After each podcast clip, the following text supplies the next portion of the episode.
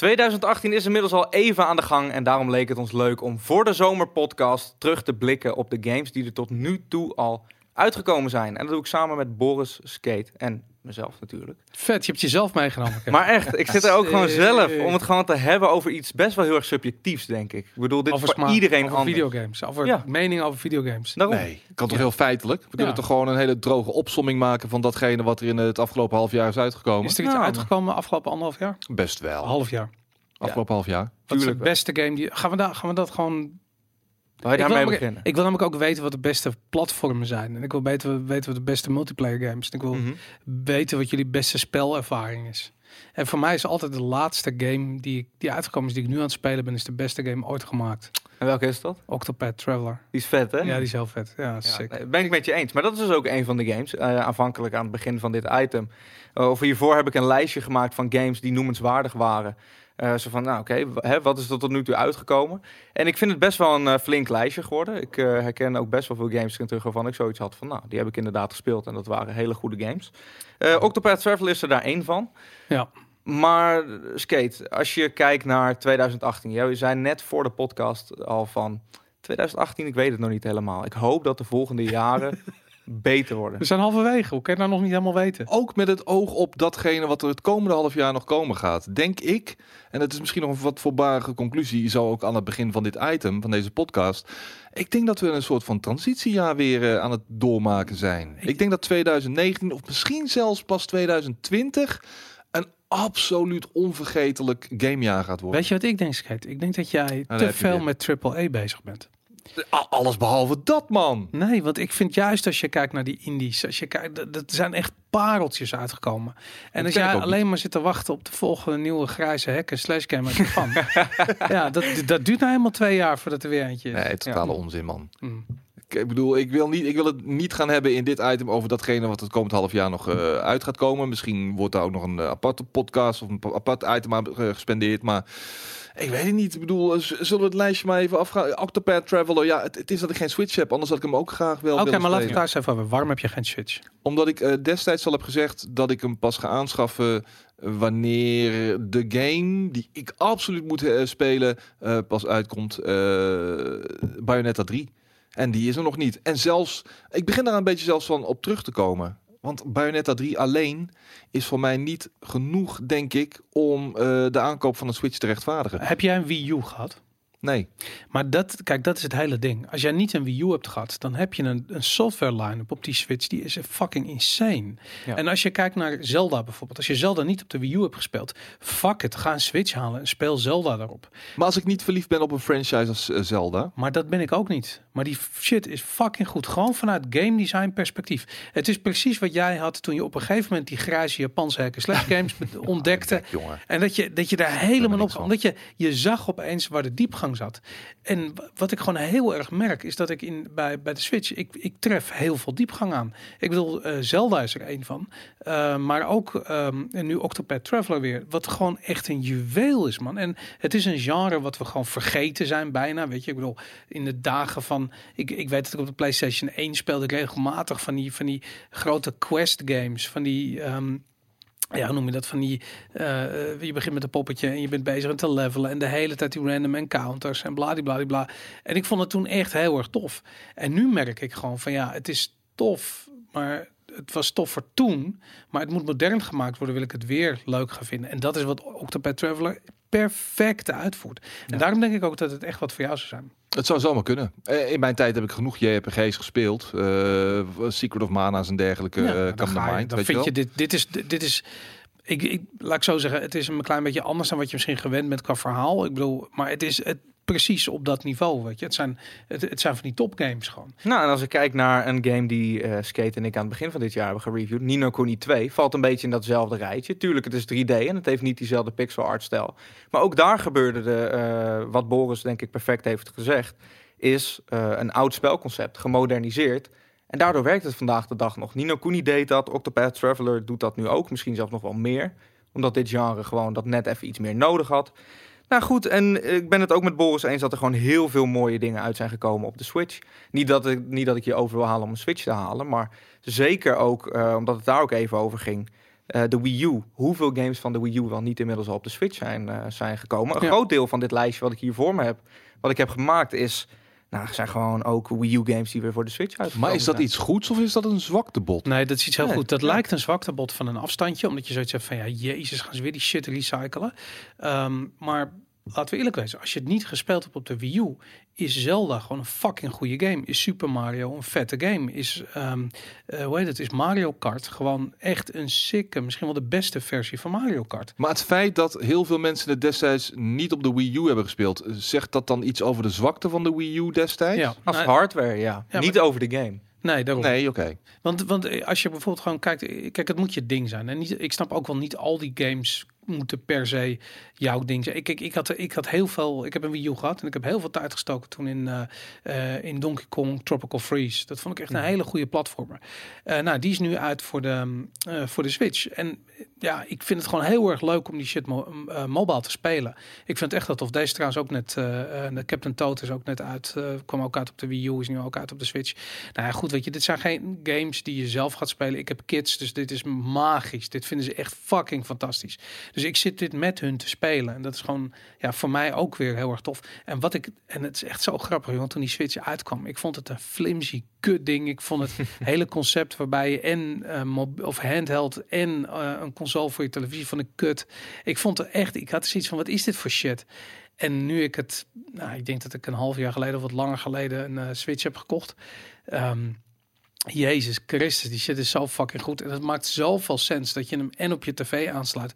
Ook voor livestreamers, weet je. Ik bedoel, als jij streamt, je speelt gewoon mobiel al die games. Dan hop, klik je hem in zijn dock en ben je opeens via HDMI ben je aan het livestreamen. Dat werkt gewoon als een trein. Ja, Echt dat geloof ik best. En toch ben ik nog niet verkocht. Nee, dat snap ik ook wel. En het is ook, je moet een Nintendo gamer zijn, wat ik helemaal niet ben van huis uit.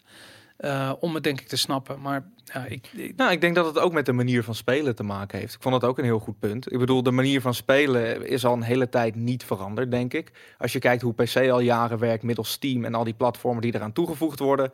Hoe je speelt op de PlayStation, op de Xbox. Het is allemaal een beetje, ja, gewoon zo gewoon gebleven. En gewoon allemaal een beetje hetzelfde.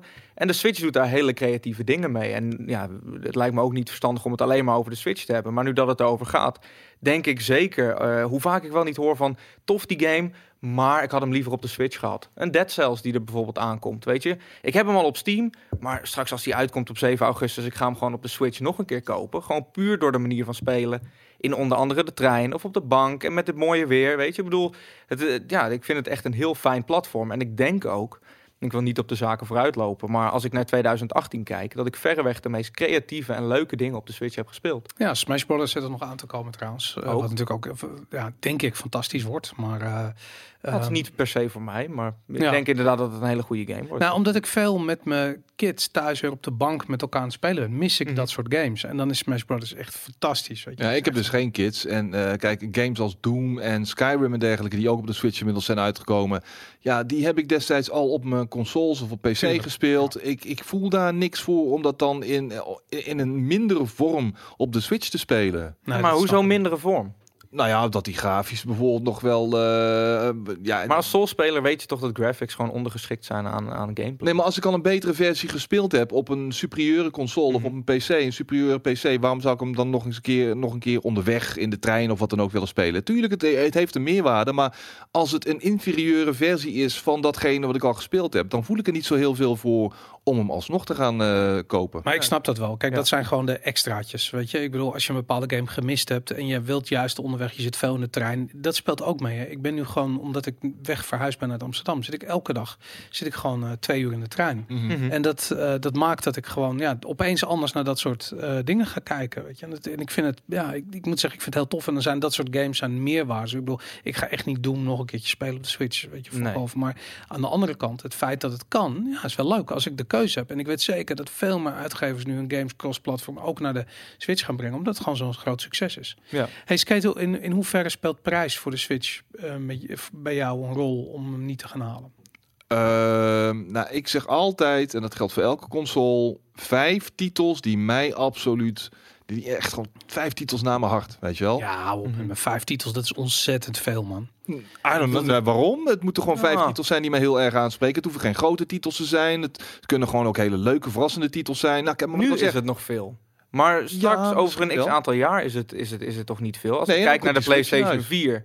Ik wou zeggen, de PlayStation 4, daar kun je zo vijf titels op noemen waarvoor je dat ding moet hebben. Ja, maar Ja. Dat, dat heeft ook twee jaar geduurd. Nee, het daarom. waren, weet ja, je, dat- tuurlijk. Dus de- dat heeft gewoon tijd nodig, denk ik dan in dit geval voor Skate. Dat, eh, ja, Nou, vind Ik vind wel dat, ehm, eh, wat ik ergens wel grappig vind, is dat Nintendo eigenlijk een hele online verhaal nog niet goed op orde heeft. Tenminste, Nou, niet op orde is echt een understatement. Het is gewoon echt, ik wil geen woorden gebruiken, die, eh, maar het is gewoon echt tergend slecht. ja. Maar en weet je dat ik dat ergens vind, ik dat begin ik dat bijna charma- charmant te vinden. Weet je, mijn, nee. mijn PlayStation toch? Plus abonnement was verlopen, weet je. En ik had Mhm. zoiets van, weet je, die PlayStation zat te zeiken tegen me, je, je moet het niet verlengen. En ik, Ja. ik, ben toevallig, ik ben een andere game aan het spelen. Moet het straks hebben, waar we op de PlayStation eh, 4 ben ik een game aan het spelen die niet multiplayer hoeft. En ik weet dat ik daar nog een tijdje mee bezig ben. Dus ik heb het nu niet nodig. Mijn PlayStation aan het zeiken van, doe nou, doe nou, verleng het nou, verleng het nou. Doe jezelf een cadeautje. Dat Ja. mailtje kreeg Ja. ik gisteren van, doe jezelf een cadeautje, koop weer Plus. Ja, Ja. fuck het man. Ik hoef geen plus nu, weet je. Het is zomer. Het is, ik, ik, de game die ik speel is offline, dus eh Ja. fuck off.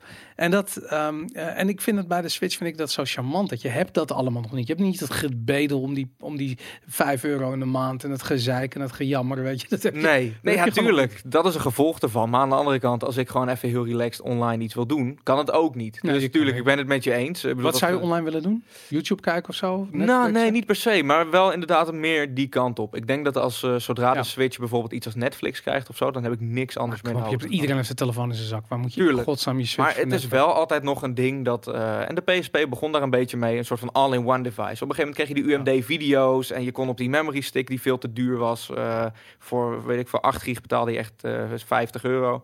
eh, kon je films opzetten. En dat, het moest een all-in-one device worden. dat en ik kwam mis dat dat die- bij de Switch nog wel. Maar die PSP had een scherm, want dat was een tijd ver vooruit. Dat Mhm. was zo, je wilde gewoon al je content wilde je op dat PSP-scherm kijken. En die Switch, ik, ik bedoel, ik denk eerlijk gezegd, als je een, weet ik veel, als je een goede nieuwe generatie telefoon hebt, dan is je scherm heeft twee keer de resolutie en zes keer de kwaliteit van een, eh, eh, van een Switch. Ja, maar is goed, ergens wel nadeel hoor. van de Switch. Maar dat, maar dat zijn wel dingen inderdaad. Onder andere dus een platform als Netflix of een YouTube-app hier en daar. Maar ook gewoon het eh, handig uit kunnen nodigen van elkaar. Ik bedoel, Ja. ook dat is nog steeds niet mogelijk. Nee. En als ik kijk naar hoe hun online matchmaking is. Een game die ik heel erg tof vond. Mario Tennis Aces. ja. Nou, je moet het gewoon niet online gaan spelen. En die game draait om online. Weet je, ik bedoel, dat, dat kan niet. Je kan niet die game niet online spelen. Want de campaign heb je zo uitgespeeld. Tegen computers ben je zo beter. Maar en online werkt gewoon niet. Het werkt maar het is echt daar niet letterlijk voor niet. bedoeld. Doe het serieus. Wat, wat het hele ding is, is dat je met elkaar op de bank zit. Het is dat weer. Dat is, het, het is gewoon, je Maar dat zijn ze toch al voorbij? Nee, nee, nee. Dat is, ah, dat- kom op, dat is zo'n eh, 20ste eeuw. Ik snap het, eh, ik snap het. En het, eh, het is ook zo. Het is 20e eeuws denken en het is insane. Maar toch is dat echt nog de bedoeling bij die games. Ja, maar je kunt toch nog, niet... De, de hele design van het ding is dat je die fucking eh Joy-Con? de Joy-Cons eraf schuift en dat op dat andere ding klikt. En dan kun je, of op een gegeven moment zitten prielen met z'n tweeën met, met allebei één Joy-Con. ja. Ik bedoel, het Ja, is... dat is het ook wel. Maar aan de andere kant denk ik van ja, als je dan een game als Mario Tennis uitbrengt met de online functionaliteit als ja, hoofddoel uiteindelijk. Want Ja. wat ga je in FIFA doen? Dat ga je ook niet constant kampioenschappen doen offline, denk ik. Ik bedoel, op een gegeven moment wil wel je ook... Nee, Het is een maar- retro-console in heel veel opzichten. En dat vind ik er juist zo leuk aan. Mhm. Weet je? Ik bedoel, kijk naar alle grote Nintendo games. Weet je? Het is allemaal of singleplayer of multiplayer om, op de bank. Ja, En dat, dat eh, st- sterker nog, die hemeltergende, politiek correcte eh, reclamefilmpjes van ze, waarbij die vier mensen zo happy, happy, joy, joy op de bank zitten. Mhm. Dat is de essentie van wat eh, Nintendo doet natuurlijk altijd. Dat is nee, snap ik. Maar ik vind het wel kwalijk dat het gewoon niet werkt. Dat- Ja. Of in de zin van dat het niet goed werkt. Ik bedoel, Ja. kijk, tuurlijk, dit is inderdaad waar je een Switch voor koopt. Eh, ik gebruik dat ook regelmatig, moet ik eerlijk zeggen. Ja, ik Veel multiplayer op de Switch. Ja. Maar ehm, wanneer ik bijvoorbeeld online ga en ik heb 700 punten, dat is dan de rank waarmee het wordt aangegeven van oké, dit niveau is wat je online hebt. En ik word constant gematcht tegen mensen die 90.000 punten hebben. Weet je, ik bedoel, als ik kijk van prima, 1400 kan ik nog be- begrijpen. Dat is het dubbele, vind ik ook veel. Maar Ja. weet je, en het is ook niet alsof niemand het speelt. Dus er zit daar gewoon nog ergens iets niet helemaal lekker. Dat En ik denk van ja, Nintendo kan dat gewoon helemaal niet. Ja, Nee, maar ze hebben en dat nooit dan komt Dat vind ik wel jaar Super Smash komt dan uit en dat, dat krijgt een immense community. Maar die immense community gaat echt niet elk fucking weekend bij elkaar op de bank zitten. Die Dat willen gaan ze wel. Jawel, jawel, jawel. Nee, ja ook, maar Dude, je dat is een nieuwe, dat is echt serieus. Er is een nieuwe, er is een revolutie aan de gang en mensen willen dat weer. Mensen willen weer samen spelen met elkaar. Ook, ja, ook. Maar daarnaast willen ze ook gewoon, wanneer het even niet kan, hè, wanneer je buddies aan, het, aan de andere kant van de wereld wonen, of aan de andere kant van het land zelfs, willen ze ook gewoon vanuit hun eigen stoel tegen die eh, vrienden spelen, die dan gewoon Ja. op een andere locatie zitten. Nou, dan moet ik je zeggen, dat vind ik dan wel iets Eh, Ik bedoel, buiten het feit wat je van de friendcodes vindt. Ik vind het echt een kut systeem. Maar dat, dat werkt dan nog. Als ik Mario Kart online wil spelen. Binnen drie minuten zit je met al je vrienden. Mits je hebt afgesproken. Want er is geen invite systeem. Eh, kun je met z'n allen Mario Kart gaan doen. En ik denk dat dat ook prima zou gaan werken bij Smash. Maar ja, ik, eh, ik, ja de, de hele online functionaliteit. Dat is wel iets Nou. wat Nintendo nog mist. En ik persoonlijk mis het ook niet. Want ik ben niet een online speler. Maar ik, eh, nee, ik zou het zeker niet erg vinden als ze wat meer online focus zouden worden. En nog heel even over de Switch. De Switch heeft ook een gigantische flop gehad dit jaar. De Nintendo Labo. BF? Is dat een flop Ja, geworden? dat is verschrikkelijk geflopt. Ja? Dat, eh, ja, en dat... eh, Heeft dat niet nog groeipotentie? Ja, misschien. Dat zou, dat zou kunnen. Maar eh, ik bedoel, het is natuurlijk wel een heel conceptueel eh, eh, project. Waarbij je echt je moet gaan nadenken hoe je in godsnaam met kartonnen stukjes een, een, een soort van game ervaring gaat overbrengen. Die zo vet is dat je er 80 euro of 60 of 70 euro voor gaat neerleggen. Ja. Ehm, ik denk dat dat een, eh, nogal een uitdaging is, om het maar zo te zeggen. Ehm, je ziet dat het, eh, ik, ik hoor van bevriende retailers dat, het, eh, dat, dat die shit gewoon niet verkoopt. En ik denk eerlijk gezegd dat dat eh, alles te maken heeft met de prijs. Ik bedoel, dat ehm, de Nintendo Switch heeft een adviesprijs van 3,99. Goed, je Mhm. koopt hem bij veel winkels voor onder de 3,50. Ehm, maar dat is erg veel geld voor een, eh, voor een console waarbij je volgens voor 80 of 70 euro kartonnetjes erbij koopt. Wat, wat gericht lijkt op een doelgroep wat meer in de 6, 7, 8 jaar zit. Ehm, iemand van 6, 7 een Switch geven van, van bijna 400 euro. Dat doe je niet zo snel. Weet je? Ik bedoel, die geef je een 3DS van, eh, van 100 of 150, van 99. Je had toch die 2DS die kostte 99 euro. Ja, Dat is fijn. Ik bedoel, als we kids van 7 een reet geven hoe het eruit ziet, weet je, die, die spelen allemaal massaal Mario Run, Ja. Ehm, eh, omdat het gewoon eh, goedkoop is. Tenminste, ik bedoel, weet je, het mag op de tablet van papa en dan, dan, dan Mhm. kan je dat gewoon spelen. Maar dit is gewoon, het is gewoon een veel, de, ik bedoel, de, de Switch is gewoon nog veel te duur om dit, ehm, ehm, ja, om dit te verantwoorden eigenlijk. En Ja, nou, dat- misschien ook wel. Maar misschien is het dan een flop qua verkoopaantallen. Maar als ik kijk naar wat dit doet, Ja. vind ik het alles behalve een flop. Ik vind dit misschien wel een van de meest creatieve dingen die ik dit jaar heb gezien tot nu toe. Maar daar ben ik het helemaal mee eens. En ik vind het ook daarom heel erg belangrijk dat Nintendo dit blijft doen, blijft experimenteren en blijft maken. Gewoon omdat het, ehm, ja, ik bedoel, conceptueel is dit gewoon zo goed. En je kunt, weet je, er zit wat programmeren in voor kids, er zit bouwen in. Ehm, Verzorgen als zijn de Tamagotchi, dus ook dat. ja, maar goed, dan moet ik wel zeggen, kijk, die, de- het karton is het probleem. Weet Ja. je, het karton, je weet gewoon, dat ligt binnen twee weken volledig ondergetekend met eh viltstift, kapot getrapt stuk in de hoek. Mhm. En daar, eh, ehm, ja, daar doe je helaas niks aan. En misschien dat Japanse kinderen zo gedisciplineerd zijn dat ze dat niet doen. Maar eh, ik zeg je, Nederlandse kinderen die slopen die Die shit slopen een dag. Gewoon. Ja, nee, dat vooral niet te vroeg afschieten. Ik bedoel, het is, het is een eh, tof initiatief. Ehm, waar nu nog eigenlijk te weinig mee gedaan kan worden. Mhm. Maar inderdaad, misschien dat ja, maar ja, Nintendo en prijsverlagingen, dat is nooit een gelukkig huwelijk geweest eh, eigenlijk. Nintendo heeft altijd vrij rigide vastgehouden aan hun eh, adviesprijzen en dergelijke. Ja. Nou, de 3DS is eh, volgens mij ging direct 150 euro van. Maar de consoles hebben nog heel lang op de originele prijzen gezeten volgens mij. Hoor. ja. Nou, ik weet Ja, de zeker. Wii U ook, inderdaad. Ja, ik weet zeker dat de Switch eh, nog heel lang die 399 gaat aanhouden. Want kijk, het loopt als een trein. Het is een succes. Volgens mij is het 2,99. nee, nee, het nee, het echt niet. 399. Is het 3,99? Ja? Ja. Nee. Oké, dat moeten we eventjes gaan. Nee, het is echt 2,99 en met game geloof ik 2 3,30 of zo. Nou, ik, ik Ja. betwijfel dat. Nee, ja. Ik vind 3,99 voor ik, ik weet het heel echt erg 99 veel geld. zeker. Nee, hoor, ik Dat, eh, je brengt me wel aan het twijfelen, maar ik, echt, ik denk het echt. Nee, je Dat, zit eh, achter een computer. Google het. we gaan het kijken. Bol.com. Coolblue. Ik weet het niet. We gaan het checken. Volgens mij is de adviesprijs van Nintendo Switch 399 euro. Nee, het zit in de 300 regionen. En dan kunnen wij, kunnen wij ondertussen nog eens even praten over. eh, ik bedoel, het gaat nu al. De, de, de, het zwaartepunt ligt al heel erg op de Switch nu. Ehm, er is natuurlijk wel. 29. Ja, ik, snap dat die voor 3,29 verkocht wordt. Dat is bij de meeste winkels zo. Maar de officiële adviesprijs ligt altijd hoger. Dus die Oké. winkels stunten ermee. Dus die adviesprijs is 3,99. Nou, wa- wat ik al zei, weet je, je koopt hem eh, eh, voor, voor minder dan dat. Mhm. Maar dat is wel echt de, ehm, volgens Ja, mij waar Nintendo hem voor in de winkel eh, oorspronkelijk wou leggen. En de retailers die leveren gewoon marge in als ze willen gaan stunten. Nou, misschien is dat dan inderdaad wat het is. Hij is verder niet in de aanbieding of zo, verder bij de webwinkels die ik gecheckt heb. Maar goed, in ieder geval, dat is inderdaad dan waar die voor verkocht wordt, maar 3,99 is dan. En de Joy-Cons, hop, 80 euro euro. Tuurlijk, ja, die eh, zijn echt absurd duur. Ja, Ja, daar baal ik van, want ik, wil, ik moet de extra Joy-Cons hebben, maar het 80 euro, man, Jesus Christ. Maar wat ik dus zei, er is natuurlijk meer geweest dan de, Absoluut. dan, de- dan En- de Switch het afgelopen half jaar. Als we het toch over Nintendo Labo hebben, een game die vlak daarvoor uit is gekomen. Dat is van een hele andere partij. God of War voor PlayStation. Ik denk dat dit voor velen de topper tot nu toe is. Ja. Als we dan toch over 2018, nou, weten we nog niet helemaal. Ik denk dat God of War toch zeker wel ehm, ja, Dat- milestone is voor de eerste helft van 2018. Dat zal ook een potentiële top 3 game zijn voor heel veel mensen over geheel 2018. Ja. En, eh, en terecht. Ik bedoel, eh, de, de, de, de, de, de re... Nou ja, ik wil niet zeggen reskin, maar gewoon de, de, de manier waarop eh Santa Monica Studios, toch? Santa Monica Studios? Mhm. Ja. ja, ja. God of War nieuw leven heeft ingeblazen, eh, een, een nieuwe vorm gegeven heeft met, de, met het perspectief van waaruit je speelt, zeg maar. Ehm, ja, nee, weinig wapens, weer. Mhm. Maar wat je er uiteindelijk allemaal mee kunt doen, middels de upgrades en noem het allemaal maar op. Ehm, het soms irritant wordende verhaal. Eh, we kennen allemaal het boy, Ja. gele eh, gebeuren wel.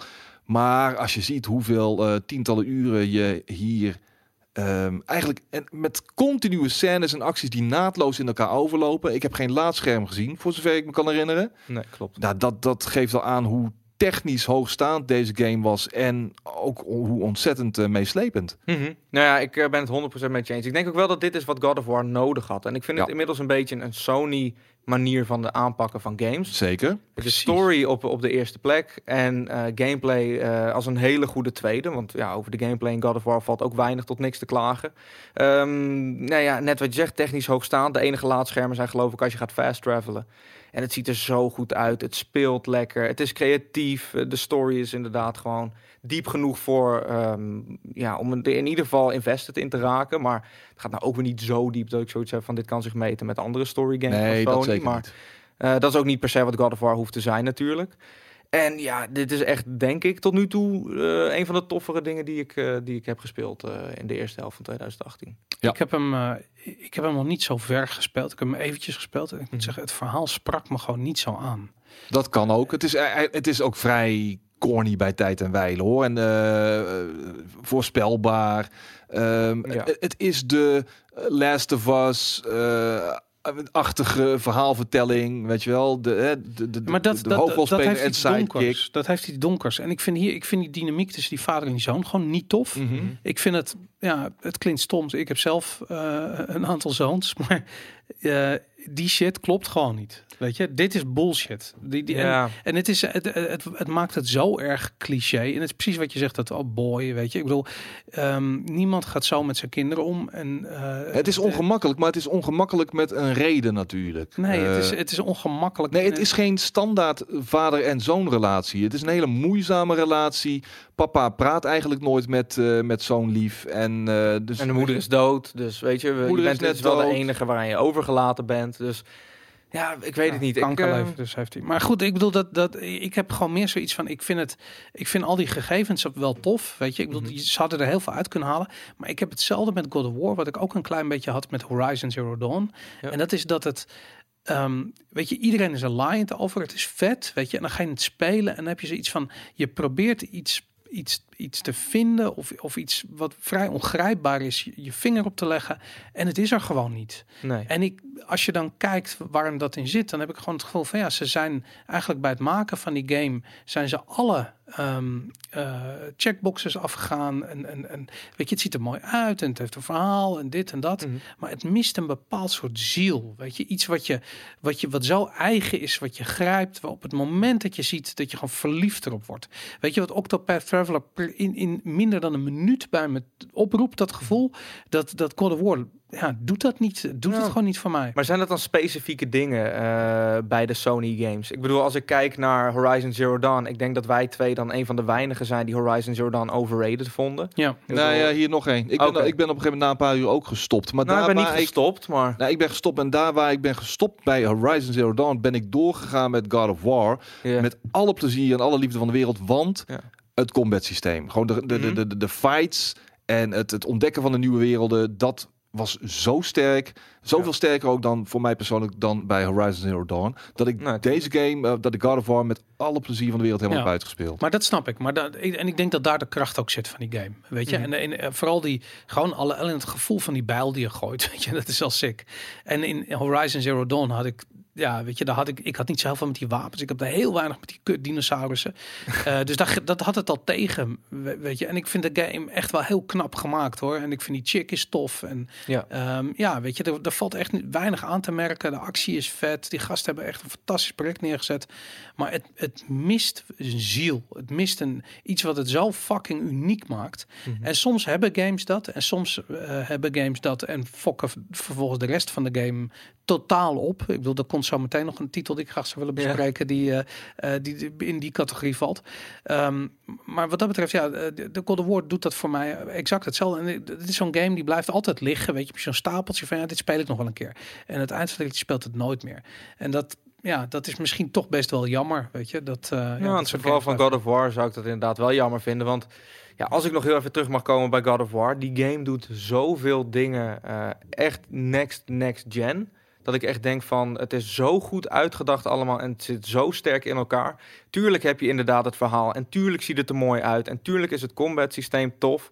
Maar gewoon hoe alles op elkaar reageert en hoe alles in relatie met elkaar staat, dat vond ik zo knap gedaan. Dat heb ik nog niet eerder in de game gezien. En daardoor denk ik dat eh degenen die dat ook hebben, eh, zo hebben gevoeld en hebben gezien, dat die God of War ook echt wel heel hoog hebben staan al dit, de, de eerste helft van eh, 2018. Ja. Ja. De production value spatte er gewoon van. Ja, dat, Daarom. dat zie je wel. Dat is en, heel netjes. en dat is ook goed dat Sony dat blijft vasthouden. Mhm. Dus ze snappen dat daar de waarde, de perceptie, de waardeperceptie naar de console toe ook in zit in dat soort games.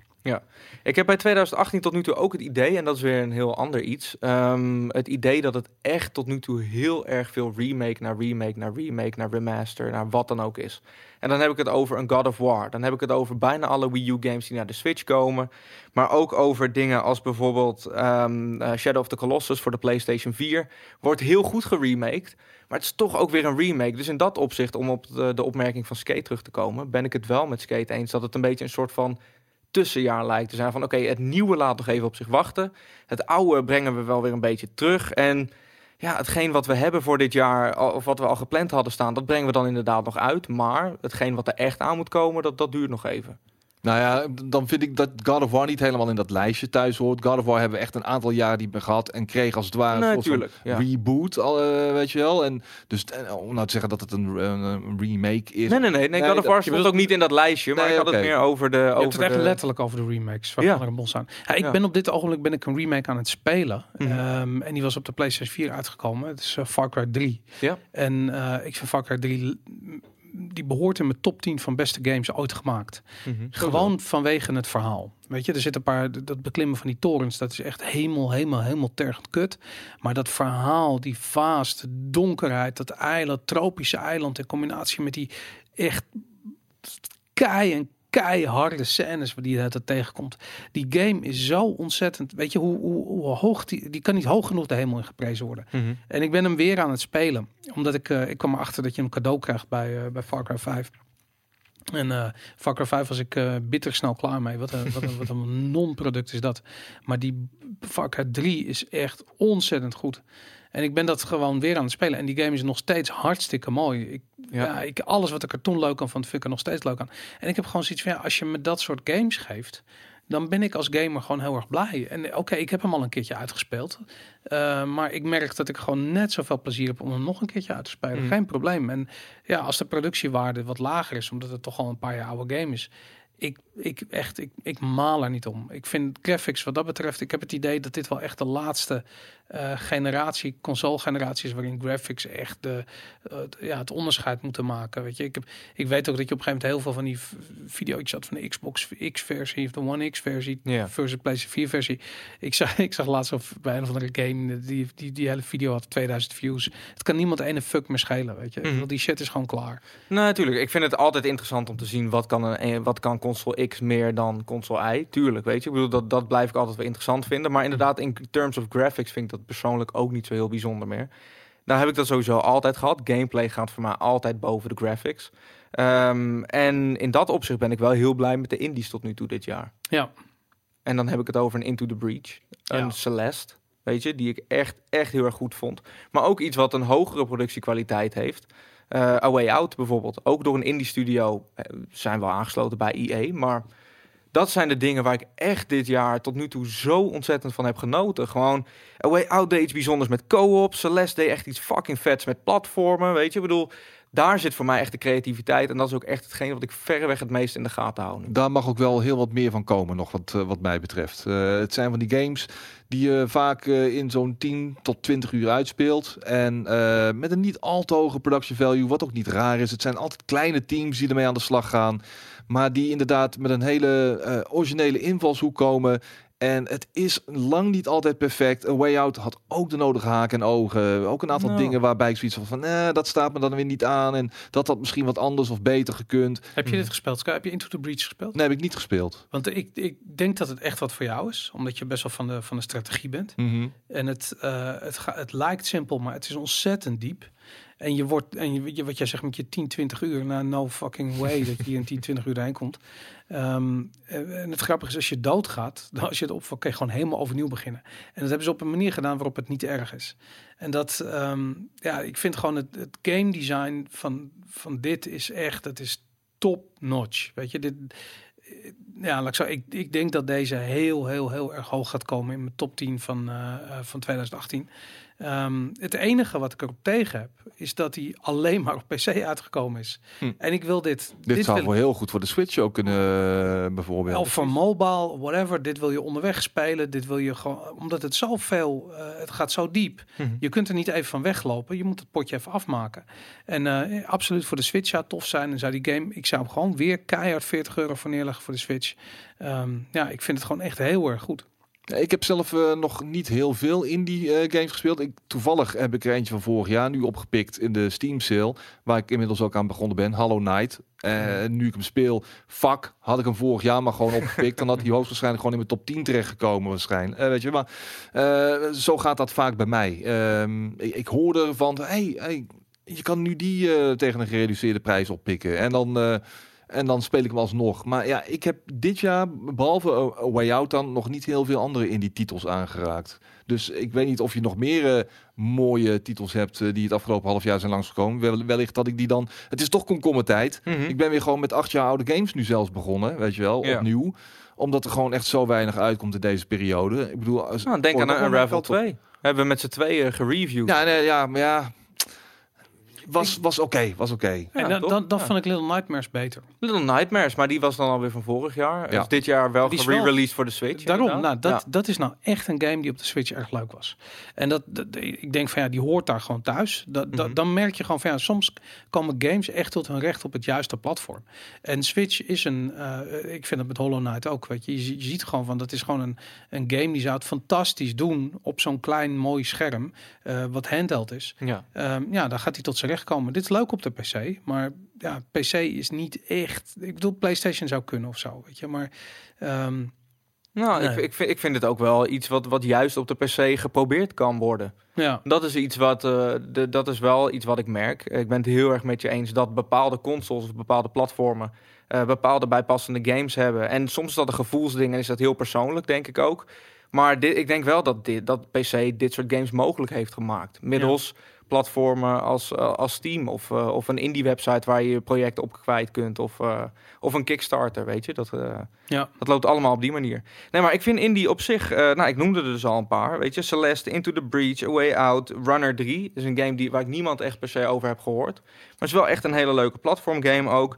Moonlighter, een game die binnenkort volledig uit gaat komen op de Switch... maar er al een tijdje is op Steam nu Daar inmiddels. ben je al een hele tijd eh, vol overgave mee bezig, hè? Ook al een hele tijd mee bezig. Ook echt heel erg goed. En dat komt ook gewoon omdat ze één creatief idee gewoon fucking goed doen. En dat is iets wat ik, waar ik meer waarde aan hecht dan een verhaal van, van 30 uur met allemaal torens te beklimmen en weet ik het wat allemaal. Daar ben ik zo klaar mee. Ik kan ook niet meer enthousiast worden van een Assassin's Creed Odyssey bijvoorbeeld. Tuurlijk ga ik hem spelen omdat ik niet constant wil blijven of wil hoeven blijven zeggen Assassin's Creed zit vast in een bepaald stramien. Maar ja, dan moeten ze het wel het tegendeel bewijzen. En tot nu toe is dat nog niet gelukt. En daardoor Maar- maar- zoek ik het meer bij de indie game. Maar ik denk echt dat dat soort eh, uitgevers als Ubisoft, die hebben daar, die hebben het moeilijk. Ja. Ehm, kijk, dat soort games zijn zo duur om te maken. eh, dat ze geen risico durven te nemen. En op dit ogenblik heb je, je hebt een gigantische groep indies die wel risico durven te nemen en aan het vernieuwen zijn en conceptueel aan het vernieuwen zijn. Je hebt Nintendo die, die, die met zijn platform aan het vernieuwen is. Ja. En, dan, en dan zie je gewoon van ja, Ubisoft zit gewoon nog vast in een denkpatroon van drie jaar geleden, wat opeens poef achterhaald is. Weet je, ze zijn vreselijk in de knoop gekomen met Far Cry 5, wat gewoon niet bracht wat het moest brengen.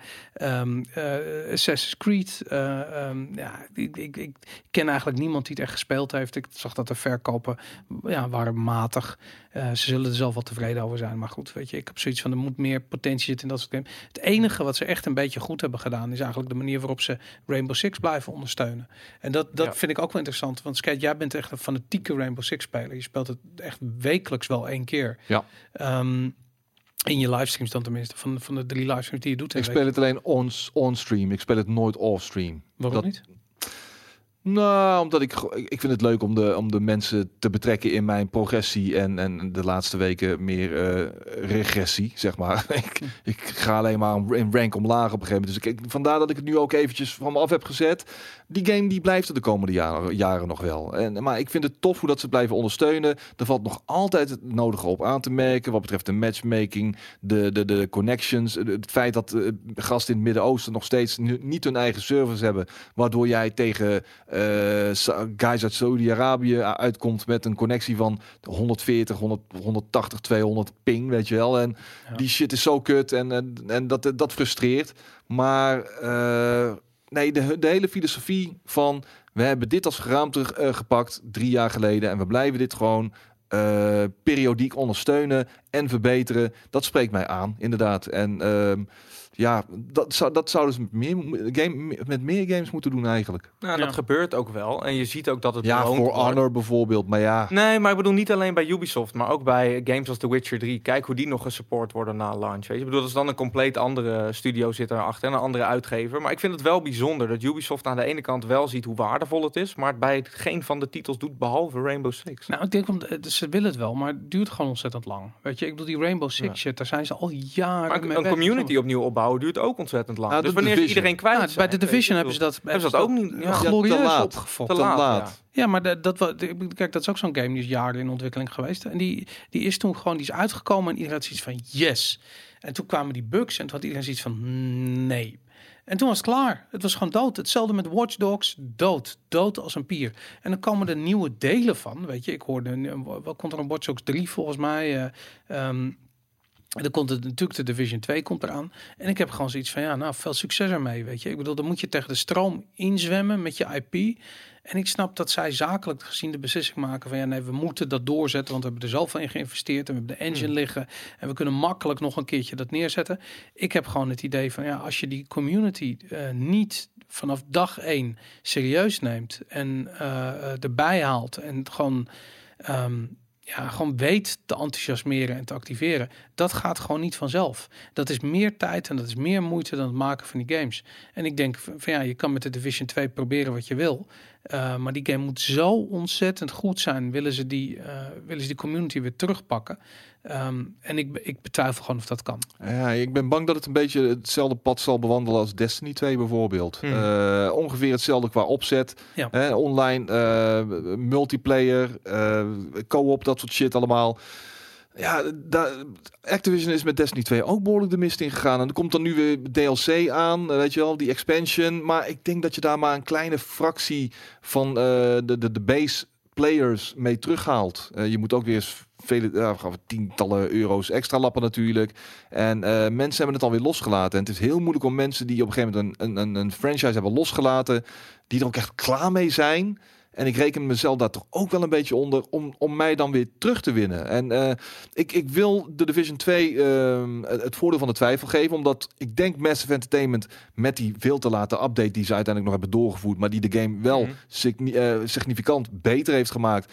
Uh, dat ze toch snappen van oké, okay, we moeten dit anders doen. Dus ik, wil, ik ben wel heel erg benieuwd naar de Division 2. Hoe ze dat zeker in de eerste twee, drie maanden zullen aanpakken. En ook meteen wanneer er commentaar op ontstaat. Wanneer dat ze dat gaan onder echt serieus meteen on the spot kunnen gaan Maar ondersteunen. het kan niet. Het is precies wat jij zegt over Destiny. Ik wil heel veel mensen hebben Destiny 2 ges- of Destiny 1 gespeeld. Omdat ze gewoon dachten hey, het is nieuw. Mijn vrienden zijn het aan, het- aan het spelen. Ik wil het proberen.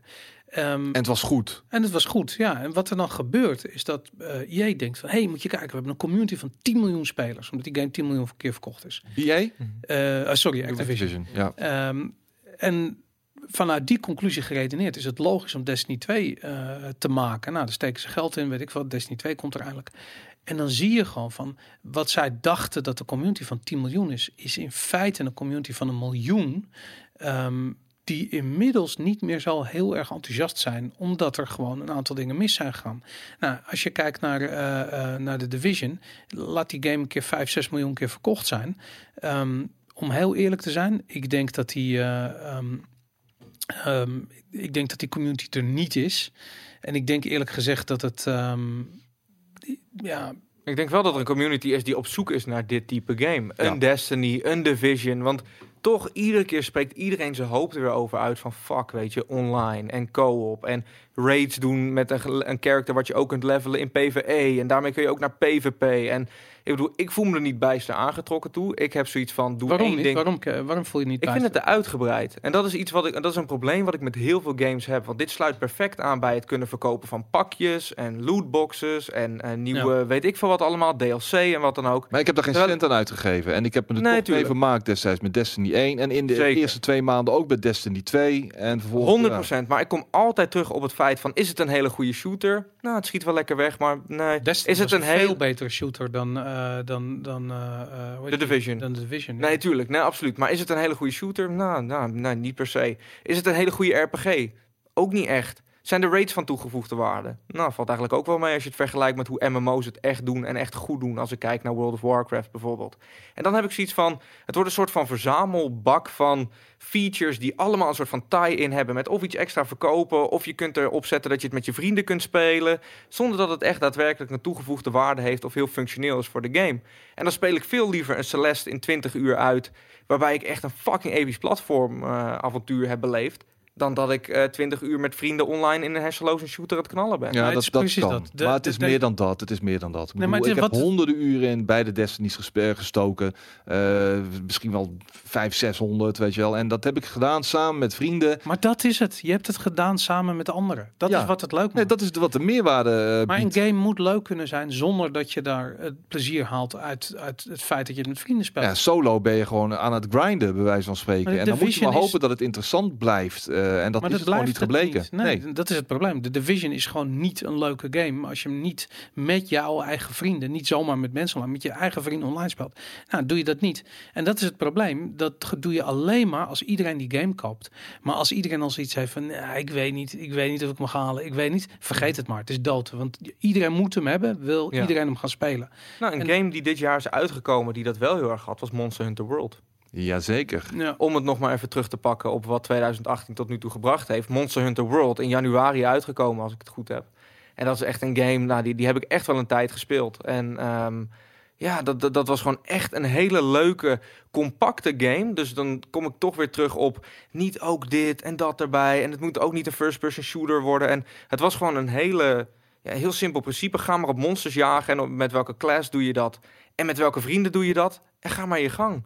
Ik vond het in het begin overweldigend hoor, moet ik je Tuurlijk, wel zeggen. heel de erg. menustructuur, eh, Ja. de manier, de, de, de gecomplice- oh, overly compli- complicated manier. Nou, we hebben om- letterlijk een half uur erover gedaan om elkaar te Hoe joinen. moeten we weet je? elkaar Ik bedoel- uitnodigen? Hoe ja. maken we een party aan? Weet je wel, dat soort shit. Maar toen dat eenmaal eh, allemaal duidelijk werd, eh, heb ik er echt heel veel tijd in gestoken. En ehm, werd dat voor mij toch wel eh, potentiële top 3 game van het jaar zelfs. Oké, nou dat gaat voor mij dan persoonlijk weer iets te ver. Maar ik heb wel zoiets van, weet je, dat is een game die dat wel heel erg goed voor me deed. Gewoon een compact principe uitbouwen tot iets waar online ook echt daadwerkelijk functie had. Want een class deed er daadwerkelijk toe. En eh, het was ook echt daadwerkelijk leuk om eh, die rollen te verdelen en af te spreken. En dat ging eigenlijk allemaal vrij vanzelfsprekend. Behalve dus dat de systemen echt heel Japans waren en niet werkten. Maar Ja. Ja. nee, ik vond Monster Hunter World echt een voorbeeld van een game die, dat, die dit jaar is uitgekomen. Die in datzelfde rijtje hoort qua type game. En die Zou dat wel ook heel erg goed deed. Natuurlijk ook een game met een community die best wel fanatiek is. En Mhm. langzaam groeit. Ja. En ieder, iedere deel weer opnieuw groeit.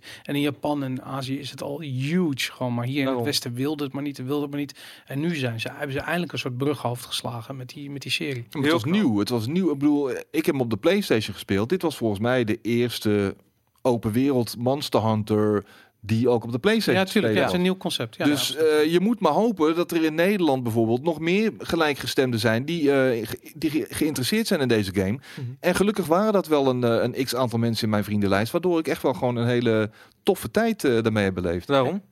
Ja, ik, ik hoor van jullie de hele tijd één game niet. En het is een game die, die volgens mij door ruim een miljoen mensen eh, online gespeeld wordt. Die Mhm. echt gigantisch populair is. Ehm, die volgens mij niemand op de redactie hier speelt. Weet jullie waar ik het over heb? Ik denk Sea of Thieves. Nee, GTA Online. Oké. Ja, maar die Ja. is ook al eh, zes jaar oud of zo. Maakt niet uit. Die shit wordt, wordt bijna maandelijks, elke maand zijn er vette updates voor. Mhm, en ik, kijk, ja. ik kijk wel altijd wat voor updates er zijn. Die shit is gigantisch, man. Er komt weer een nieuw aan, eh, geloof ik, deze week of zo. Volgens mij, ja, of hij is net uit, of vandaag of morgen komt hij uit. Iets met Night. Ja, en anyways, maar dat, dat, dat is ook een soort. eh, kijk, als je het hebt over dat, dat segment van Destiny 2, van, van The Mhm. Division, dan zie je ook van ja, er is gewoon op dit ogenblik langzaam een beetje, is, is Rockstar is gewoon dat hele domein in aan het kruipen. Heeft En die is dat- heel lang geduurd. Dat, natuurlijk. Tijdens launch was het er bijvoorbeeld al niet. Toen was het er, toen werkte het voor twee maanden niet. ja, Toen kwam de remake geloof ik op de PlayStation 4 uit, was daar weer gezeik mee, weet je. Ik bedoel, ja, tuurlijk. dat was, ze, was de hele tijd gedoe mee. En nu hebben ze inderdaad wel een... eh, ja. maar ze zijn er ook zo mee omgegaan. Ze, ze wisten van zichzelf, ja, van we moeten dit op deze manier benaderen. We moeten eraan gaan bouwen. Ehm, eh, we gaan niet geld vragen voor iets wat niet werkt. Weet je, we gaan het als cadeautje geven aan mensen die eh, GTA hebben gekocht. Nou, dat is ongeveer de hele wereld. Dus eh, eh, dat was leuk. In het begin stelde het gewoon nog niet zo heel veel voor. Was het al grappig dat je met elkaar rond kon rennen door die Ja. wereld. En inmiddels zijn er echt missies en quests en verhalen. En god weet wat. Zelfgemaakte maps, autoraces, weet je. Er is ja. zoveel. En het is, ja, het is gewoon ontzettend populair. En je, je hoort Rockstar er eigenlijk niet over. Er wordt niet echt over gecommuniceerd. Ehm, maar wat ik eerlijk gezegd denk, is dat er zo meteen bij ehm, Red Dead Redemption... En, en weer op dezelfde manier, dus iets later dan Red Dead Redemption zelf, komt Red Dead, eh, Red Dead Online. Mhm. En ik denk dat dat, ja, dat gaat insane worden, weet je. Dat wordt, ik denk dat mensen dat nu wel massaal gaan oppakken. Ik bedoel, Rockstar heeft inmiddels eh, geleerd wat ze, eh, wat ze moeten doen om, ehm, eh, ja, om zo'n platform neer te zetten, om het uit te bouwen. Dus ja, ik denk dat, dat er iedereen die nu GTA Online speelt, ik denk dat die zo meteen Red Dead Redemption Online gaat spelen. En sterker nog, ik denk dat iedereen die niet GTA Online speelt, zo meteen ook Red Dead Redemption Online gaat Ja, spelen. het is hoe je de Rockstar community natuurlijk eh, zoet houdt, weet je wel. Je, je brengt één game uit je, en in de loop van de jaren die volgen zet je een kleiner team op de expansions en eh, weet je wel, eh bugtesting, dus gewoon de, de bullshit eruit halen. En ondertussen laat je gewoon het gros van je A-team in alle rust weer even vijf jaar lang werken aan GTA 6, weet je wel. ja. En niemand die dan gewoon gaat lopen janken. Ja, wat blijft GTA 6? Want je krijgt toch nog gewoon steeds je, je drie, vier, vijf maandelijkse nieuwigheid aan content voor Red Dead Redemption 2. Ja, nou ja, goed, die, ik, ik, ik we zitten even naar die trailer te kijken van die After Hours Maar After Hours, ja. update inderdaad, die dus deze week uitkomt. Fucking geniaal. En eh, het, het gevoel voor humor die het uitstraalt, de vibe die het uitstraalt, het is zo typisch Rockstar. En je snapt ook wel dat miljoenen mensen dit spelen. Ik, wat het enige wat ik niet snap, is dat Rockstar er zo ehm, stil over is of zo, weet je. Ik bedoel, ik krijg wel die persberichten en zo, maar ze, ze Ja. adverteren er niet mee. Er komt geen, er zit, ze doen er helemaal niks mee. En het is zo raar, want zoveel mensen hebben die game liggen. En ik denk dat ze in potentie in Nederland gewoon 3, 4 miljoen spelers zouden kunnen hebben. Als ze ehm, er wat actiever aan zouden trekken. En dat, ehm, ja, ik, ik blijf het eh, interessant vinden hoor, hoe, ze- hoe ze daar Ja. omgaan. Dat is ook zo. Aan het begin was er gewoon te weinig content om mij vast te houden. En ik ben niet geïnteresseerd in races zelf maken of Ja. races van anderen spelen. Dus het is voor mij niet per se ehm, ja, een online game die ik, die, die ik lang leuk zou kunnen vinden. Maar ik vind het heel knap wat ze ermee doen. Zeker inderdaad gezien hoe weinig aandacht ze er eigenlijk aan brengen. Want Ja. het is niet alsof er inderdaad een soort van wat ze ook met Red Dead doen. Hele announcement trailers uit worden gegooid waar iedereen voor klaar gaat zitten of wat dan ook. Dus eh, hey, een game die dat ook had dit jaar en nog steeds heeft denk ik is Sea of Thieves. Daar moet ook aan gebouwd worden. Daar wordt ook aan gebouwd. Daar hoor je ook weinig over. En zit denk ik een beetje eh, vast in dat hele online Dood. wereldje. Nou, Ja, ik- denk ja, dood wil ik niet zeggen. Maar ik bedoel, er is nog steeds een, een, een, een groep dedicated players die deze game ook met hand en tand verdedigen. Die zeggen, ja, maar luister eens even, er is genoeg content hier. Er zit veel meer content in dan in welke andere game ook die in de, het eerste half jaar is uitgekomen. Eh, je kunt het blijven spelen, het blijft leuk om te doen met je vrienden. Maar dat dan wel onder die voorwaarden, hè, met je vrienden. weet Het ding is wel, da- daarom deed hij me heel erg aan GTA Online denken. Aan het begin was er eh, een bepaalde verwachting die voor veel niet waargemaakt werd, voor een select groepje wel. En vervolgens gaan ze steeds uitbouwen. Er zijn geloof ik al twee DLC-pakketten uitgekomen en de derde komt er volgens mij aan. Eh, voor zover ik weet ook allemaal gratis, die die game extra content geven. En dat is precies wat GTA Online ook deed. En daarmee bouw je uiteindelijk denk ik een online community op. En voor zover Thieves die niet al heeft. Want ik vind Sea of Thieves wel een game waar heel erg op gebouwd kan worden. Tuurlijk, er was weinig interactie mogelijk met de wereld. Tuurlijk, er was weinig interactie mogelijk met elkaar. Maar hetgene wat de game probeerde te doen, namelijk een unieke online ervaring te zijn, dat vond ik dat het het heel knap deed. Ik vind dat er aan te veel voorwaarden, voorwaarden voldaan moet worden voordat die game echt goed tot zijn recht komt. En Ja. Om maar te beginnen dat je dus met je vrienden samen die game moet spelen. En daarin heeft het exact hetzelfde probleem als de Division. Mhm. Dat het is niet een game die je even kan uitproberen. Weet je, ik ga eens even kijken of ik het leuk vind. Je zit met drie Mongolen op een schip, waarbij na vijf minuten twee er alweer eh, je de, de, de game verlaten. Nou, het is gewoon, dat is gewoon kut, weet je. Dat werkt gewoon niet. Ik En ik- vind de keuzemogelijkheid gewoon, ik vind dat prima. Niet alles hoeft single player experience te zijn. En, en, en in deze wereld, bedoel, deze wereld draait tegenwoordig gewoon voor een heel groot deel om die, eh, om het samenspelen online. En dan is het toch alleen maar mooi dat dit soort eh, opties er zijn. Dat er dit soort games zijn om uit te kunnen kiezen. Ja, maar ik vind dat de game je het dwingt je te veel. Weet je, Nou, Kijk, vind als- ik meevallen. Nou, eh, ne- neem een game die dat bijvoorbeeld heel erg goed doet. Fortnite bijvoorbeeld, of PUBG eigenlijk. Want daar komt Fortnite ook een beetje vandaan. Het maakt niet uit of je die game nou met 100 mensen online speelt of met 10. Ehm, het is even leuk. En dat, dat is het probleem met, eh, met Sea of Thieves, maar ook met de Division. Op het moment dat er niemand in zit, of er zitten vijf man in, of weet ik wat, het is gewoon niet meer leuk. En dat, eh, ehm, ja, dat betekent dat er gewoon, ja, er moet aan te veel voorwaarden voldaan worden voordat die game tot zijn recht komt. Nou, en dan je ga, geheid ga jij, als je die game tien keer opstart, eh, zes keer daarvan eh, voldoet het niet aan die voorwaarden. Je hebt je gewoon niet een goede gameplay ervaring. Nou, dat hangt dan van de content af die dan als PvE zo de- de- beschouwd mag worden. Als die toereikend is, dan kun je je ook er uitstekend mee vermaken, denk ik. Ja. Zonder dat er andere schepen met andere spelers eh, jou eh, dwars gaan zitten, bijvoorbeeld. En nu ze dat gewoon alsmaar aan het uitbouwen zijn, denk ik wel dat ze toch wel een, een, een, groep eh, spelers vast kunnen blijven houden. Nou, ik betwijfel het. Ik nou, ik dat- ben heel benieuwd. En misschien Ja. gaan er wel spelers weer terug. Ik bedoel, stel nou dat zij zeggen: Oké, we hebben nu wel inderdaad een systeem met Quest en Experience waar je daadwerkelijk wat aan hebt. Buiten alleen cosmetics. En ja, ze maken er gewoon weer wat moois van. Dan, eh, dat was voor mij de grootste tegenvaller. Daar waar je bijvoorbeeld bij aankomende Skull and Bones echt jouw ship kunt upgraden en, Mhm. en eh, je character volgens mij ook kunt upgraden, dat soort shit, weet je. Ja. De- eh, dat cosmetische, dat zal me allemaal reet roesten. Ik wil mijn schip uitbouwen en ik wil het verschil kunnen maken met datgene wat ik heb uitgebouwd. En je die ziet gelijk niet. dat die Skull and Bones, dat voelt veel beter. Dat, dat, Ja, het dat- is totaal anders qua opzet natuurlijk. Ja, weet ik niet. Ik denk dat, eh, laat ik zo zeggen, dat had Skull of eh, dat had ehm Sea of Thieves ook kunnen doen, want ze hebben het gewoon. Skull and Bones is niks anders dan de eh, die botenmode uit eh, Black Flag, uit Assassin's Creed Black Flag, die ze genomen hebben, die gewoon ontzettend goed was en heel erg leuk. En die zit erin. En daarom hoop ik ook heel erg dat Skull and Bones een soort van eh single player ding krijgt, waarin je die boot kan levelen, waar je kan upgraden, gewoon zodat je kunt oefenen en kunt spelen en kunt doen voordat je online gaat met je met je crew als het ware. Nou, ik denk dat dat gemixt wordt. Ik denk dat PvE en PvP als het ware kruisen met elkaar. Ja, maar, dat zou kunnen, ja. ehm, maar waar ik gewoon Ja. een beetje bang voor ben, is dat Skull Bones hetzelfde lot beschoren zal zijn als eh, een For Honor. Ja. Eh, doet één ding, focus Ja. zich daar heel erg op. Maar ehm, ja, weet op een gegeven moment niet genoeg variatie aan te brengen, waardoor je er toch een beetje van, van, van weg gaat, als het Ja. ware. Nou, maar dat is logisch. Dat, dat, dat ligt op de loer en dat zou ook best wel kunnen gebeuren. Ja. Een ding ehm, wat sowieso in het verlengde van Sea of Thieves ligt, is Xbox, Microsoft. Het is die game waar heel veel gamers op zaten te wachten. Zeker als je een Xbox had, denk ik. Ja. Een andere game die dat had was State of Decay 2. En ik geloof dat jij die wel hebt gespeeld. En Ja. volgens ik niet. Ik weet niet of Skate hem heeft Nee. gespeeld. is ook niet een topper voor mij van dit jaar. Gewoon puur niet omdat het mijn type game niet is. Maar Left 4 Dead vroeger wel. Left 4 Dead vond ik een fantastische totaal game. andere game. Eh, Ja, de- toch wel? Ja, maar ook- oké. maar Nee, nee, ik bedoel Sea of, of de Sea of.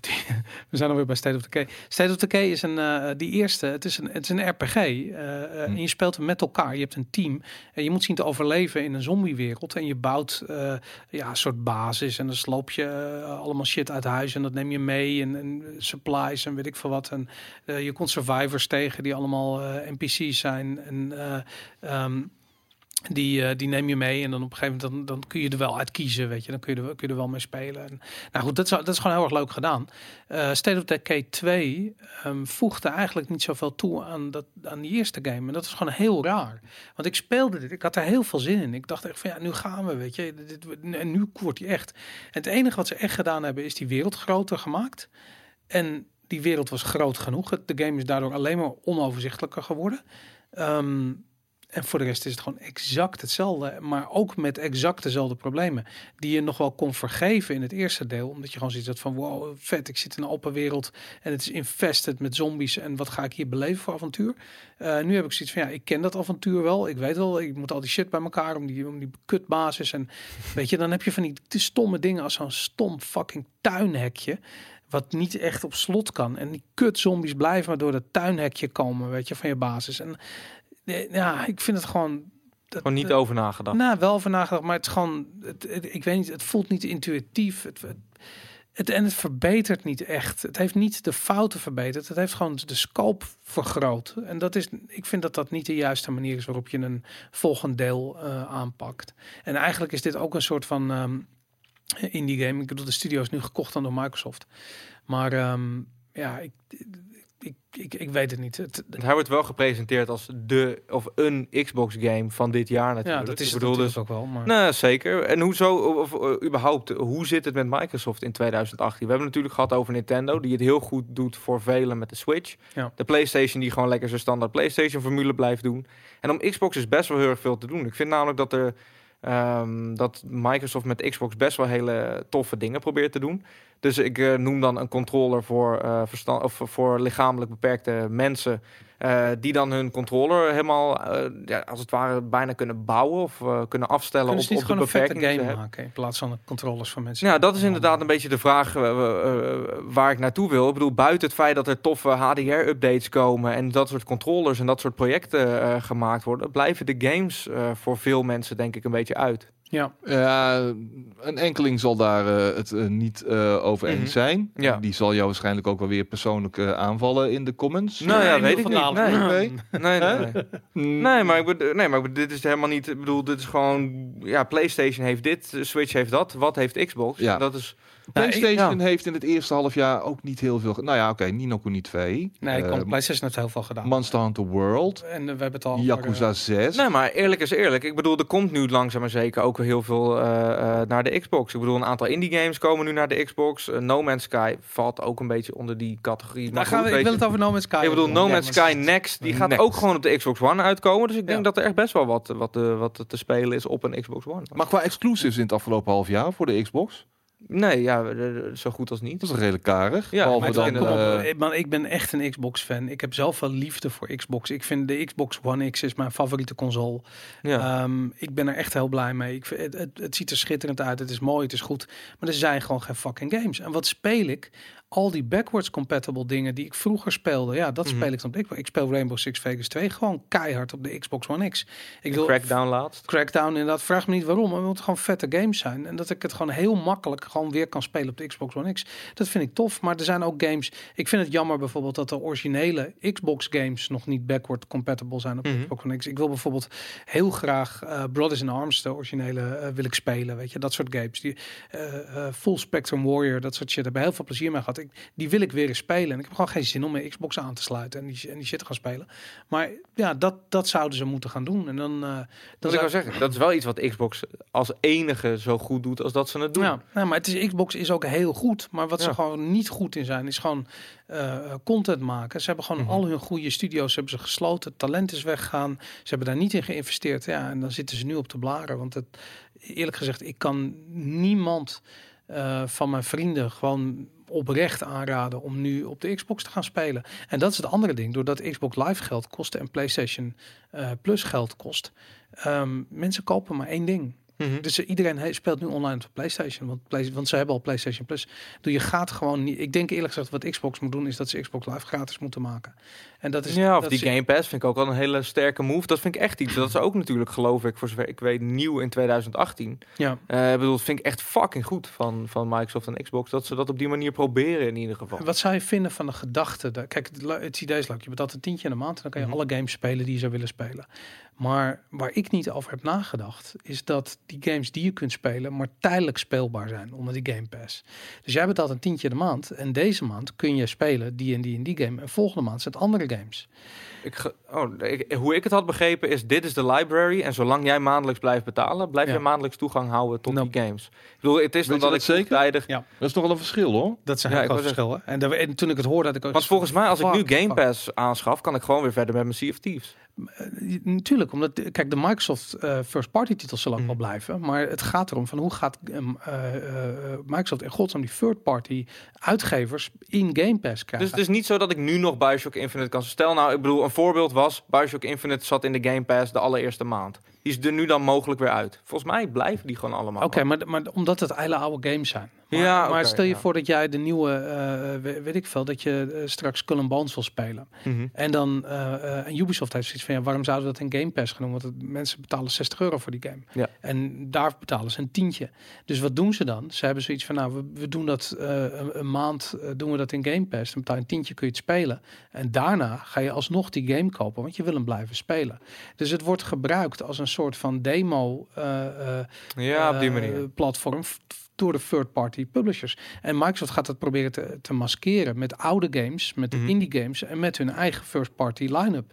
Maar Ja. het blijft een probleem dat als jij Red Dead Redemption wil spelen, dat hij niet in Game Pass zit. En als hij in Game Pass zit, dat hij waarschijnlijk vijf dagen in zit. En dan, dan moet je hem alsnog kopen. weg. Ja, oké, op die manier. Nou, dat, dat, ik had het dus inderdaad anders begrepen. Maar sowieso vind ik het sterk, alsnog. Ondanks dat het dan werkt zoals het, eh, als, als het zo werkt. Ehm, dat Sea of Thieves bijvoorbeeld nog wel steeds te spelen is. En een State of Decay 2 wel. En als er straks dus wel gewoon hele goede first-party titels uitkomen, dat die er ook bij Maar gevoegd gaan als jij, dat betekent dat je 120 euro per jaar gaat betalen Mhm. voor Sea of Thieves Ja. en voor State of Decay. En Voor games die je Gears, Nee, voor maar- Halo, voor... Ja. eh, Maar dat, die gaan op een gegeven moment komen en aan die Game Pass toegevoegd worden. Plus daarbij, stel nou dat ze het een jaar geleden hadden gedaan, dan ha- had ik best wel heel, me- dan had ik die 120 euro echt graag neergelegd. Ja, ik niet. Nee, ik vind het het niet waard. En ik vind namelijk de, de kwaliteit van de, eh, van de games is het gewoon niet waard. Kijk, als Ja. ik Spotify-achtig eh, voor een tientje in de maand. Alles kan Mhm. spelen, echt alles wat er is, op een paar obscure indies na misschien, maar gewoon Ja. in principe alles, ja, dan zou ik het de moeite waard vinden. Maar een tientje in de maand betalen bovenop je 5 euro of 6 euro in de maand voor je Xbox Live, bovenop je 6 euro in de maand voor eh, PlayStation Plus, bovenop dit en dat en zo, Ja. zo weet je. Nou, bent- natuurlijk. Maar als ik kijk naar games als Recore, vind ik niet 60 euro waard. Ja. Ehm, Maar prima, als die eh, in de Game Pass zit, Ja, maar daarbij... die ga je toch uit de budgetbak halen voor 8 euro?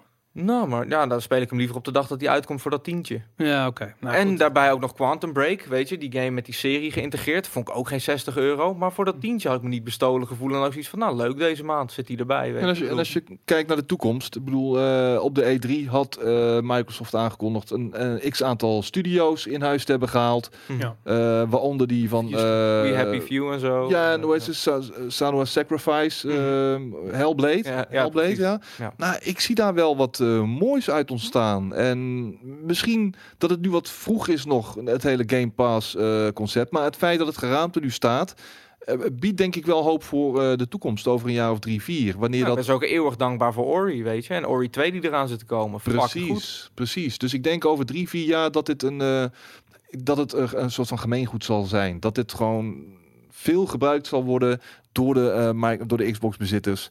En eh, dat er nog wel echt, dat het dan echt een meerwaarde zal hebben. Dat is nu nog een beetje discutabel. Maar met het oog op de, ja, niet al te nabij je, maar toch wel eh, op de toekomst. Denk ik dat de Game Pass uiteindelijk wel echt een, eh, een, een household ding gaat worden. Ik denk dat Microsoft moet echt tientallen miljarden gaan investeren in Xbox. Willen ze, willen ze dat platform weer terugkrijgen op het niveau wat het ooit Mhm. was. En eerlijk gezegd, ik denk dat Game Pass dat niet in zijn eentje gaat doen. Nee, natuurlijk niet in zijn eentje. Want het moet altijd, ik bedoel, als er geen goede content in die Game Pass zit, dan is de Game Pass sowieso niet, niet voldoende natuurlijk. Maar ik denk best wel dat ze, eh, dat als ze er inderdaad tijd en moeite in steken, dat het wat eh, kan worden. Ja. Als laatste, de PC. Is, het, ik bedoel, is dat iets waar jullie veel op spelen? Of, eh, Ik speel heel veel op de PC, ja zeker. Ja, de Total Wars van deze wereld en dan af en toe Ja. in die game of, of iets dergelijks. Ehm, Supreme Commander. Heel veel speel ik dat. Dat dat speel is ook wel een tyfus oude game. ik zou zeggen, dat is niet meer 12 jaar, 2018, ja. maar... Maar ehm, ehm, eh, Mhm. Als altijd. Weet je. Het is niet alsof er heel veel exclusives zijn uitgekomen in het eerste half jaar van 2018. Exclusief voor de PC. ehm, die heel erg een stempel hebben gedrukt op het complete gamelandschap. Maar eh, absoluut wel weer van toegevoegde waarde ook. Ja. Ik zit te denken dus om die, ehm eh, hoe heet het, die No Man's Sky Next, om dat te gaan spelen op, eh, en die komt deze week uit. Ja. Ehm, om die te gaan spelen op PC, omdat het er zo ontzettend mooi uitzag. En ik wil die game, overhaul zag er inderdaad heel tof uit. ja, en ik wil die game gewoon nog één kans geven, omdat ik het blijf het concept zo vet vinden. En ik vond de uitwerking vond ik echt kut. Gewoon, ze waren gewoon vergeten om een game te maken. Maar ik heb een heel uitgebreid interview met Sean Murray gelezen en ik had echt zoiets van, nou ja, goed, ik begrijp wel wat er mis is gegaan. Mhm. Ehm, maar goed, nu is het dus tijd voor, ehm, eh, voor, voor, voor, voor, voor die studio om te laten zien eh, wat ze eigenlijk oorspronkelijk van plan waren met die game. En ik bedoel, als ik nog één keer het woord procedural generated content hoor, dan ga ik echt kotsen gewoon. Want het, het, is, het is echt een, lege hype-term die uiteindelijk alleen maar betekenen dat die beesten overal dezelfde slurf hebben. Want het, het was zo stupid gewoon. En ehm, ja, ik, wat- we hier naar kijken is PC-versie. Het ziet er gewoon echt heel goed uit. Ja, ziet het er ook. Absoluut. Maar ik ben wel het met Skate eens dat buiten No Man's Sky natuurlijk, weet je, dat de- die graphical overhaul en het ziet er het best uit op de PC. Ik mis een beetje dat, eh, dat broeierige op de PC, wat het toen ten tijde van eh, de Steam machines was. En eh, Steam OS. En ik mis zoiets op de PC. Grote Tuurlijk- flops. Nee, tu- nee, maar natuurlijk, dat zijn uiteindelijk allemaal flops geweest. Maar het was wel iets van, oké, we willen van PC echt een, een eenduidig platform maken. Of we willen er in ieder geval iets mee. En Steam trok daaraan. En nu zie je heel erg dat Nvidia en AMD eraan trekken. Hè? Ik bedoel, eh, er worden allemaal communities om de PC heen gevormd. En eh, uiteindelijk is dat dan wat PC gaming is. En dat vind ik heel tof, want het staat dingen toe als Divinity Original Sin 2. Overigens niet in 2018 uitgekomen. Maar weet je, dat is echt een game die alleen eh, aan het begin in ieder geval eh, op de PC uit was. En ook daarvan heb ik weinig nog gezien. Ik bedoel, ik zou graag zeggen dat het anders was, maar ik heb weinig hele, hele bijzondere PC-games gezien. dit Ja, jaar. Nou, ik, ik, ik denk wel dat die er komen. En ik denk ook dat, ja, kijk, ik bedoel, die consoles zijn natuurlijk ook echt mooi geworden. Dus die hebben heel veel van die titels die je vroeger alleen maar op PC weet. Ik bedoel, toen The Witcher uitkwam, The Witcher 3, dan had je zoiets van, die speel ik op PC, want daar zie je het Mhm. mooiste, weet je. Of Crisis. Of, ja, en nu, nu komt Cyberpunk en heb je zoiets van, ja, die kan je net zo goed op console spelen, want dan wordt die ook heel mooi. Ja, weet je. behalve dat hij geen 60 frames per seconde Ja, is. en geen dus- mouse support. tuurlijk. En geen, weet je, Ja, bedoel, er is dus, altijd wel wat, dat snap ik wel. Maar goed, het- ik, ik bedoel, de, de, de noodzaak om die PC erbij te halen, Mhm. Die zit hem nu veel meer in, in eh, het back catalog van Steam. Eh, of ja, bepaalde indies die gewoon niet naar de consoles komen. Ja. Zoals bijvoorbeeld Into the Breach. En Battle Royale games worden natuurlijk om de havenklap op de PC eruit gekakt. Eh, Ja. Beta van die early access bullshit. early Ja. access van een futuristische Battle Royale game. En dan weer een early access van... Ik, ik ken al die titels niet. eh, ze zullen maar mijn reet roesten. Maar er komen echt heel veel early access eh, Battle Royale games eh, uit op de PC Tuurlijk, om te ja. checken. Dat Iedereen is dat nu aan, op die bandwagon aan het springen natuurlijk. Daarom. En het wordt er niet per se heel veel beter van. Als afsluiter, he- hebben jullie tot nu toe al een game waarvan jullie zoiets hebben? En het hoeft niet per se je nummer 1 tot nu toe te zijn of zo, maar van die maakte echt heel veel indruk en impact. En het mag ook prima dan die Far Cry 3 remake zijn, weet je? Ik bedoel, als je dat nu hebt gespeeld en het is nu uitgekomen, fine. Ik denk dat er, ik, alle games die veel impact op me gemaakt hebben dit jaar, die heb ik eigenlijk wel genoemd. Ik denk dat die er wel bij Mhm. zijn. Far Cry 3 natuurlijk, maar ja, weet je, vooral ook eh, Octopath Traveler, eh, Into the Breach. eh, ja, dat zijn denk ik wel mijn hoogtepunten van dit jaar.